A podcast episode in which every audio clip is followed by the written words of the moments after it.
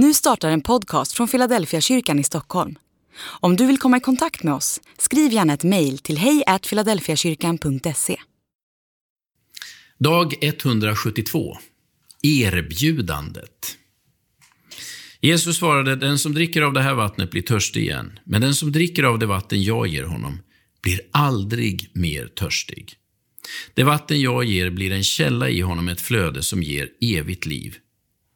Kvinnan sa till honom, Herre, ge mig det vattnet så att jag aldrig blir törstig och behöver gå hit efter vatten. Johannes kapitel 4, vers 13-15. När jag var barn tillbringade vi alla somrar i Lysekil i en sommarstuga som mina föräldrar hade byggt. Under de första åren gick vi och hämtade vatten i stora dunkar i en brunn som låg en bit bort. Det var en grävd brunn med stora cementringar som höll undan jorden. Den var säkert 10 meter djup. De flesta somrar räckte vattnet gott och väl, men några år på rad sinade brunnen.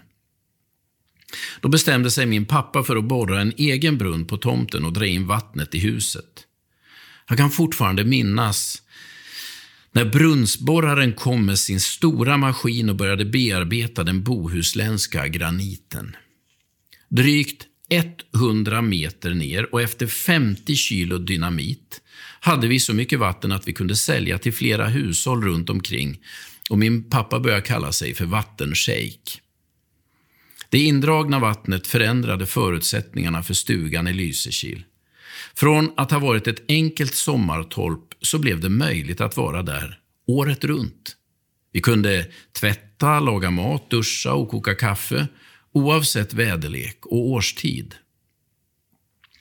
När Jesus erbjuder kvinnan att få den helige Ande som gåva använder han samma bildspråk som jag just gjort om vår sommarstuga i Lysekil.